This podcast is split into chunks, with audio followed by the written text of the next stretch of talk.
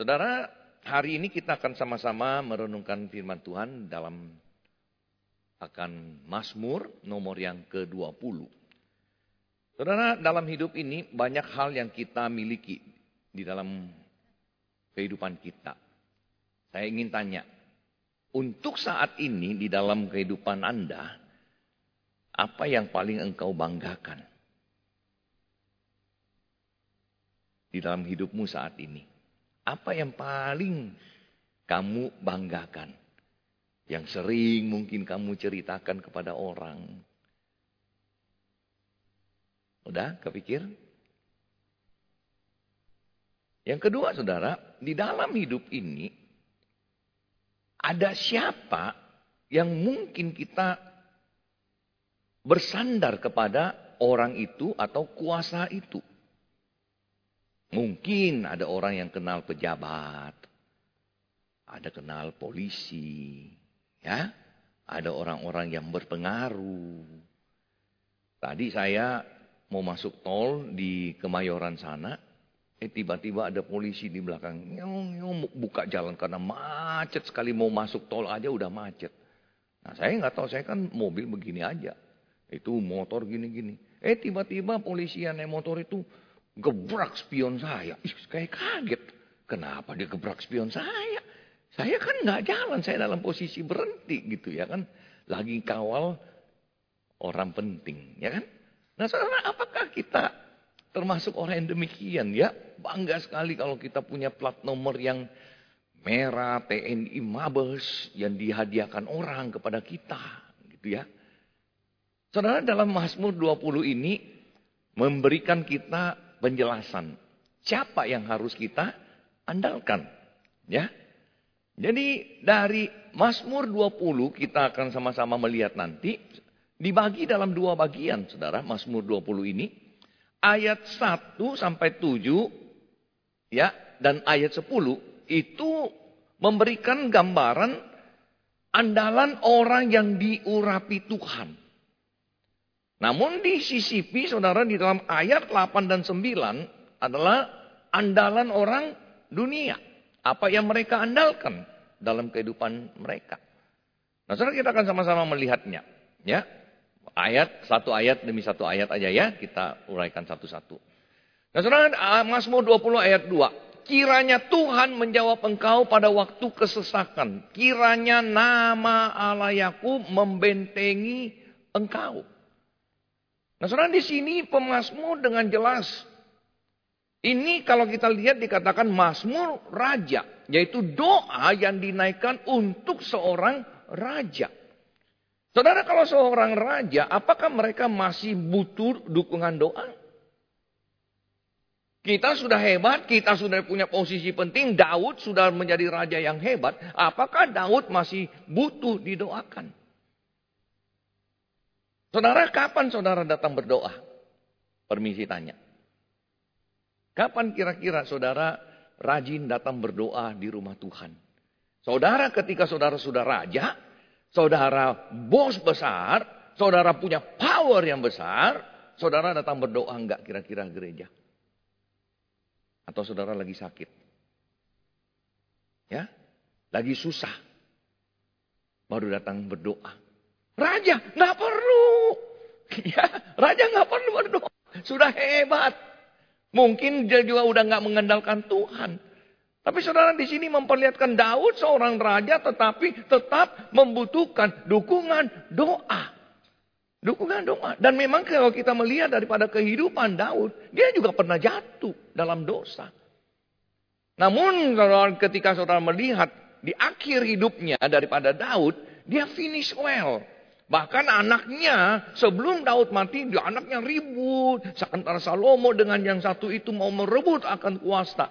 Tapi dia berhasil menyelesaikan segalanya sebelum dia berpulang. Nah, saudara sekalian di sini kita lihat kiranya Tuhan huruf besar semua, the Lord Yahweh menjawab engkau pada waktu kesesakan. Kiranya nama Allah Yakub membentengi engkau. Saudara, kenapa di sini dikatakan nama Allah Yakub?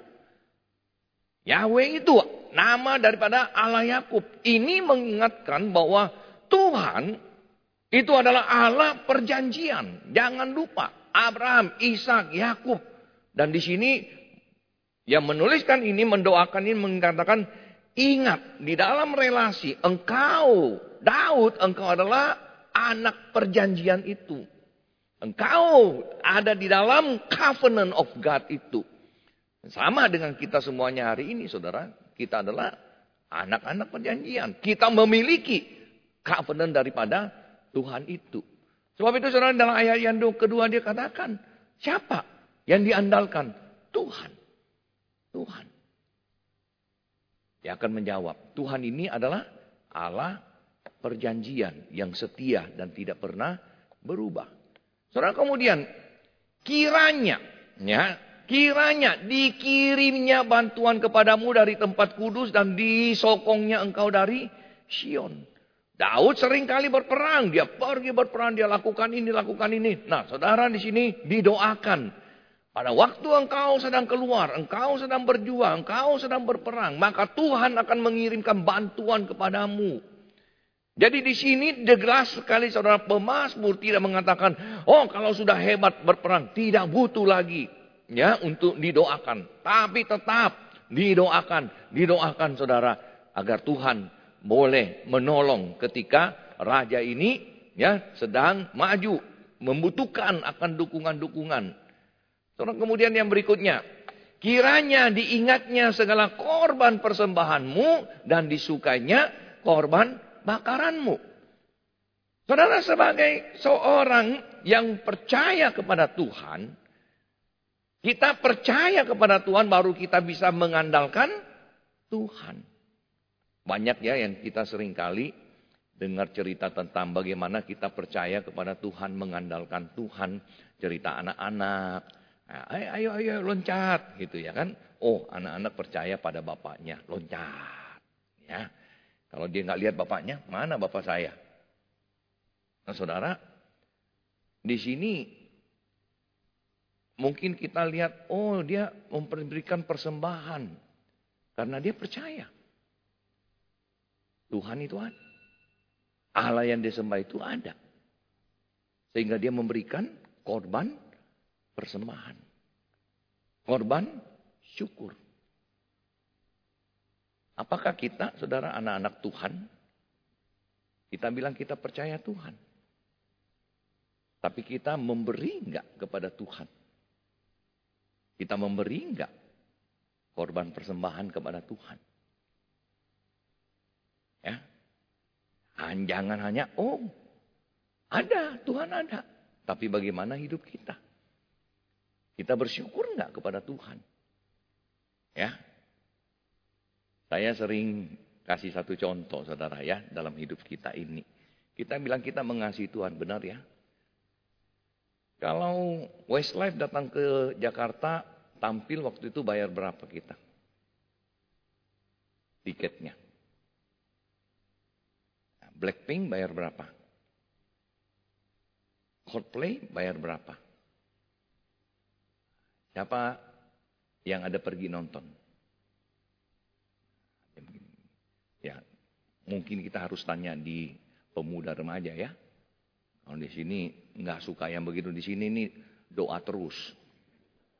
Ya. ya di sini nih umat berdoa terus gitu ya. Nah, kita kita rela. Ya, kita rela beli tiketnya 3 juta beli, 5 juta beli. Ya. Tapi kalau 3 juta itu, 5 juta itu kita beri persembahan kepada Tuhan, kira-kira kita kasih enggak ya? Ya. Nanti saat perda, eh ini mic-nya ini mau ganti, mau beli yang baru. Nah, 15 juta. Ada yang mau sumbang enggak misalnya. Kita beri enggak? Rela enggak saudara? Kalau untuk Westlife, Pink, ya, Coldplay, kita berani keluarin 5 juta. Tapi kita nggak berani dan kita tidak mau memberi kepada Tuhan. Pertanyaannya, saudara, betul nggak di hatimu ada Tuhan? Betul nggak kamu percaya Tuhan ada dan memberkati engkau, menjaga engkau? Ya kan? Nah ini saudara, raja, dia raja. Tapi dia tetap mengatakan, mengatakan dia tetap percaya. Dikatakan raja tetap dengan setia memberikan korban persembahan dan korban bakaran. Korban persembahan mungkin dia mengaku dosa. Dia sudah bersalah kepada Tuhan. Minta Tuhan mengampuni dan juga persembahan syukur kepada Tuhan. Untuk apa yang Tuhan telah berikan kepada dia. Achievement yang dia capai, dia tidak pernah melihat ini karena saya jago. Ini karena saya hebat. Enggak. Dia selalu mengatakan karena Tuhan. Karena Tuhan. Oleh sebab itu dia memberikan akan korban syukur itu. Saudara pernah saya nonton sebuah video apa keluarga petani. Mereka habis panen kentang, kemudian malam-malam dinner mereka makan bersama. Nah, bapaknya berdoa. Ayo kita doa syukur kita habis panen kentang, gitu ya. Tuhan terima kasih untuk kentang ini. Yang saya tanam dengan setengah mati. Saya siram. Ya, tiap hari capek. Saya jaga dari binatang-binatang. Saya ini, saya, saya, saya, saya, saya. Gitu. Nah, dia bersyukur kepada Tuhan, tapi dia mau bilang, ini karena saya. gitu loh. Kalau saya kerja keras, saya jagain, saya, saya gini. Kalau kalau nggak ada saya begini, nggak bisa. Ya, saudara, ya memang memang begitu. Kita juga nggak bisa bilang, kita tanam kentang terus biarin aja kentangnya. Tuhan tolong ya kentangnya bisa tumbuh sendiri. Oh gitu ya kan. Tuhan mau kita juga kerja. Tapi ketika dia bekerja, dia melihat seolah-olah tidak ada penyertaan daripada Tuhan. Bagaimana dengan kita, saudara? Apa yang kita capai hari ini? Apa yang engkau banggakan tadi? Waktu saya tanya. Apakah yang engkau banggakan itu tadi kamu rasa ada penyertaan Tuhan di dalamnya? Mungkin pendidikan kita yang tinggi, Mungkin pekerjaan kita yang hebat. Ya. Usaha kita yang sukses. Atau apa aja. Saudara berikutnya. Kiranya diberikannya kepadamu apa yang kau kehendaki dan dijadikannya berhasil apa yang kau rancangkan. Saudara, di sini seolah-olah mengatakan bahwa oh kalau kita mau maka Tuhan itu harus kasih, gitu ya. Tuhan harus kasih, memenuhi. Bahkan di dalam ayat yang keenam sekalian ya. Kami mau bersorak-sorai tentang kemenanganmu dan mengangkat panji-panji demi nama Allah kita. Kiranya Tuhan memenuhi segala permintaanmu. Saudara, mungkin kita berpikir bahwa kalau kita sudah jadi anak Tuhan, kita sudah baik, kita sudah taat kepada Tuhan, kita sudah bersandar kepada Tuhan, kita mengandalkan Tuhan, maka everything mungkin akan baik di dalam kehidupan kita. Apa yang kita minta, pasti Tuhan kasih. Tapi tidak begitu case-nya, saudara. Ketika saudara membaca Mazmur 73, pemazmur di situ Asap mengatakan begini, Tuhan itu baik kepada mereka yang bersih hatinya. Tetapi aku sedikit lagi aku tergelincir. Kenapa? Karena aku melihat orang-orang fasik. Baik hidupnya. Tidak sakit. Gemuk-gemuk lagi. Saya tidak bilang orang gemuk di sini fasik ya. Enggak. Ya. Gemuk-gemuk badannya. Begitu ya. Kita ini kurus, kelaparan, gak ada makanan. Begitu ya kan. Ah, sakit-sakit. Padahal saya udah mengasihi Tuhan. Bahkan dia lihat orang-orang itu sombong. Ya orang-orang itu sombong. Menghujat. Bilang Tuhan tidak ada. Apakah Tuhan tahu? Ya. Enggak begitu case-nya saudara. Tapi kalau kita melihat di sini dari kalimatnya saudara. Kiranya diberikannya. Berarti ini permohonan. Ya bukan perintah. Seperti anak-anak saudara kalau ke supermarket. Ma beli ini ya. Mama harus beli enggak? Ma, mau ini. Ma, mau ini. Ma, mau ini. Ma, mau ini. Oh, siap, siap, siap, siap. Ambil, ambil, ambil, ambil, ambil semua. Ya, gitu loh. Atau mama bilang, oh enggak. Enggak boleh. Yang ini boleh, yang ini enggak boleh. Ya kan? Berarti otoritas ada di siapa? Otoritas ada pada mama. Kalau semua yang kita minta Tuhan harus yes, yes, yes, yes. Siapa yang Tuhan? Siapa yang Tuhan? Jangan-jangan kita yang Tuhan. Tapi sering saudara, orang banyak yang begitu. Ketika dia berdoa, berdoa, dia minta dan tidak dikabulkan, dia marah. Atau sesuatu terjadi di dalam kehidupannya, dia mulai bertanya-tanya, kenapa Tuhan begini? Ya, ada saudara saya kenal beberapa orang ya, masa COVID, anaknya meninggal. Dia bergumul. Ada yang jemaat Suaminya usia 36 baru mulai meniti karier, jualan bakso, apa mulai maju. Suaminya meninggal. Nggak bisa terima. Nggak bisa terima. Kenapa? Kenapa Tuhan? Kenapa Tuhan? Kenapa Tuhan? Tanya terus kenapa? Nah saudara di sini ketika kita mengandalkan Tuhan menjadi anak, tidak berarti seluruh apa yang kita minta itu harus harus Tuhan kasih. Enggak. Tapi itu adalah per permohonan. Kiranya diberikannya. Kiranya dijadikannya berhasil. Nah, tapi kita tetap harus, bagaimanapun kita tahu, kita tetap harus berdoa dan mengandalkan Tuhan. Yang berikutnya saudara adalah Pemasmur juga berkata begini. Sekarang aku tahu, sekarang aku tahu. Ya, bahwa Tuhan memberi kemenangan kepada orang yang diurapinya. Nah, kata ini yang saya pakai ya, yang diurapinya. Dan menjawabnya dari sorganya yang kudus dengan kemenangan yang gilang gemilang oleh tangan kanannya. Jadi pemazmur ini mendoakan raja dan dia tahu Tuhan menyertai raja, Tuhan sudah beserta dengan dia. Dan dia terus melihat kemenangan-kemenangan itu. Ya karena Daud itu adalah orang yang di urapi oleh Tuhan yang hidupnya berusaha, berusaha. Ketika dia berdosa, saudara, ya, Daud itu tidak berdebat. Tidak berdebat. Ketika Nathan bilang, kasih contoh cerita. Oh, ada orang dombanya banyak sekali. Orang lainnya domba cuma satu. Eh, diambil juga dombanya itu kemudian. Udah, udah. Ah, itu orang harus dibunuh itu. Itu nggak boleh itu. Begitu jahat itu. Nathan bilang. Nabi Nathan bilang. Kamu orangnya. Ya. Daud bilang apa? Langsung. Bertobat. Langsung. Oh, saya. Nah saudara hari ini kita mau hidup berkenan. Kita mau jadi orang-orang yang diurapi Tuhan. Orang-orang yang tahu peka apa yang menyenangkan hati Tuhan. Bagaimana hidup kita. Apakah kita orang yang sungguh-sungguh diurapi Tuhan? Kalau orang lihat kehidupan kita, orang bisa ngomong nggak? Ini orang yang diurapi Tuhan. Hidupnya melakukan firman. Ya. Sudah dosa, ada orang dosa, tapi berusaha membenarkan diri. Ribut terus, ribut terus, ribut terus. Kalau boleh perang. Ya. Kalau boleh perang.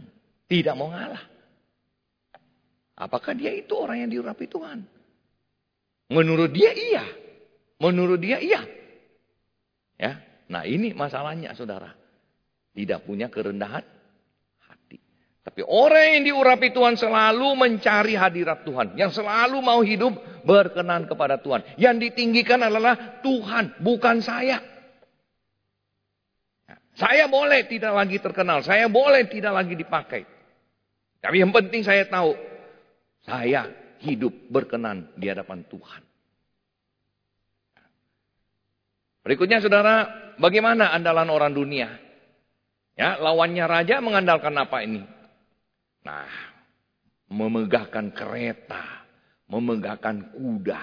Kalau mau perang, waduh, keretanya pasti yang bagus-bagus ya. Kudanya yang eh, larinya kencang, ya, luar biasa.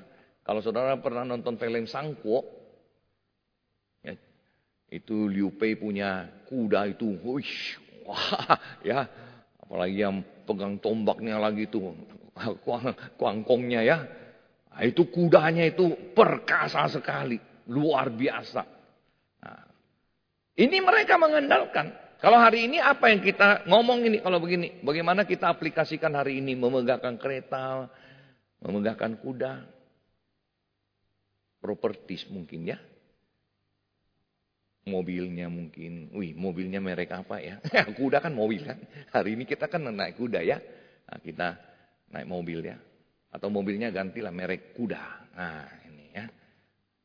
Apakah ini hal-hal yang fisikal yang kita andalkan? Tapi dikatakan tetapi kita bermegah dalam Tuhan Allah kita. Mereka rebah dan jatuh tapi kita bangun dan berdiri. Aplikasi yang kita bisa renungkan hari ini saudara melalui firman ini adalah jangan andalkan hal-hal yang kita lihat oh ini kita bisa andalkan. Ya, power yang bisa berikan kita power, yang bisa bikin kita menjadi sombong. Kita bisa banggakan kepada orang lain. Yang pada akhirnya semuanya satu hari kelak saudara kita tinggalkan di dunia ini. Alexander the Great waktu mati, dia minta peti matinya di samping dibolongin dan suruh keluarin tangannya. Dan suruh arak keliling kota. Biar orang lihat. Ya, biar orang lihat. Dia, dia raja yang luar biasa. Menaklukkan begitu banyak negara. Tapi mati. Apa? Ya, nggak ada. Tapi setelah mati kita akan berjumpa dengan pencipta kita. Mama saya hari Selasa subuh meninggal. Ya, baru dimakamkan hari Minggu. Kemarin saya baru balik dari Surabaya. Umur 85. Kerja keras, kerja keras. Luar biasa. Banyak yang dimilikinya. Pada, pada akhirnya di peti mati kita lihat. Nggak ada apa-apa. Ya, dikasih bunga aja satu. Nggak ada yang dibawa. Ya. Akhirnya apa? Apa yang dia punya semuanya, ah, jadi milik anak-anak ya. gitu loh. Nah, waktu malamnya setelah mama di apa kubur malam sebelum kan besoknya sudah ada yang mau pulang. Nah, Koko buka perhiasannya mama. Nih, masnya ini ini ini ada. Ayo, siapa mau? Berantem dulu ya. Cari yang silau-silau punya dulu. ah, yang cewek-cewek ambillah yang yang yang silau-silau itu ya. Saya cuma ambil cincin kawinnya papa sama mama, ya. Ah, ini. Mereka kan nggak ngerti Mandarin. Cuma saya ngerti. Saya baca cincin dalam oh, ini nama papa. Oh ini nama mama sama. Oh ini, saya aja ya. Nah, cuma mas mas kuning ya, tidak ada berliannya. Nah saudara sekalian, apa yang engkau banggakan dalam hidup ini? Satu hari kita akan berjumpa dengan Tuhan. Dan final statement saudara, Pemasmur mengatakan, Ya Tuhan, berikanlah kemenangan kepada Raja. Jawablah kiranya kami pada waktu kami berseru. Ini sebagai closing Ya, jadi semua permohonan-permohonan yang dia sudah naikkan untuk raja itu, saudara, memperlihatkan sekali lagi apa? Apa yang di sini katakan, saudara? Mengandalkan Tuhan adalah bukti mempercayai Tuhan.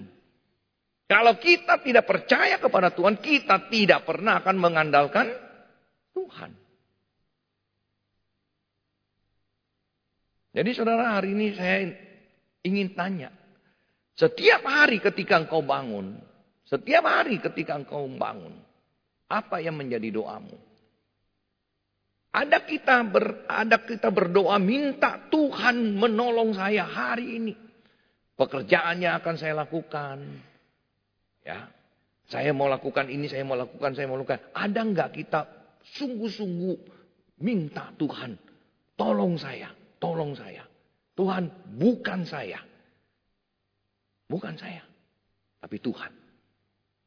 Kalau kita percaya kepada Tuhan, semua yang kita capai, yang kita lakukan adalah dalam penyertaan Tuhan. Dan ketika kita sudah sukses, saudara, jangan lupa, jangan lupa bahwa Tuhanlah yang telah memberkati. Daud menjadi raja, tapi tidak pernah dia mengatakan semua karena saya. Semua karena Tuhan.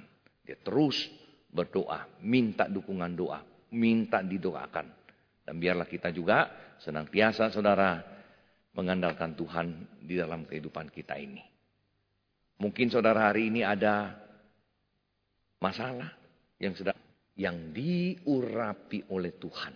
Umat pilihan Tuhan. Umat perjanjian. Agar kami senantiasa menyadari setiap detik waktu hidup kami. Ada penyertaan Tuhan. Tuhan mengawasi, Tuhan melihat, Tuhan menolong, Tuhan menuntun. Ketika kami sudah berhasil Tuhan, mungkin di dalam akan segala yang kami lakukan. Berikan kami juga hati yang menyadari semua yang kami capai itu adalah berkat yang daripada Tuhan. Jauhkan daripada kami hati yang sombong, merasa kami yang hebat, kami yang pintar. Dan ketika bahkan ketika salah pun, sering kali ada yang tidak mau mengakui salah. Karena mereka tidak datang ke hadirat Tuhan, menjadikan firman Tuhan sebagai patokan. Tapi pikiran, asumsi, pribadi yang menjadi patokan. Tuhan berkati jemaatmu ya Tuhan di dalam kehidupan mereka. Senantiasa mengandalkan Tuhan setiap waktu. Terpuji namamu, dan nama Tuhan Yesus Kristus, kami berdoa. Amin.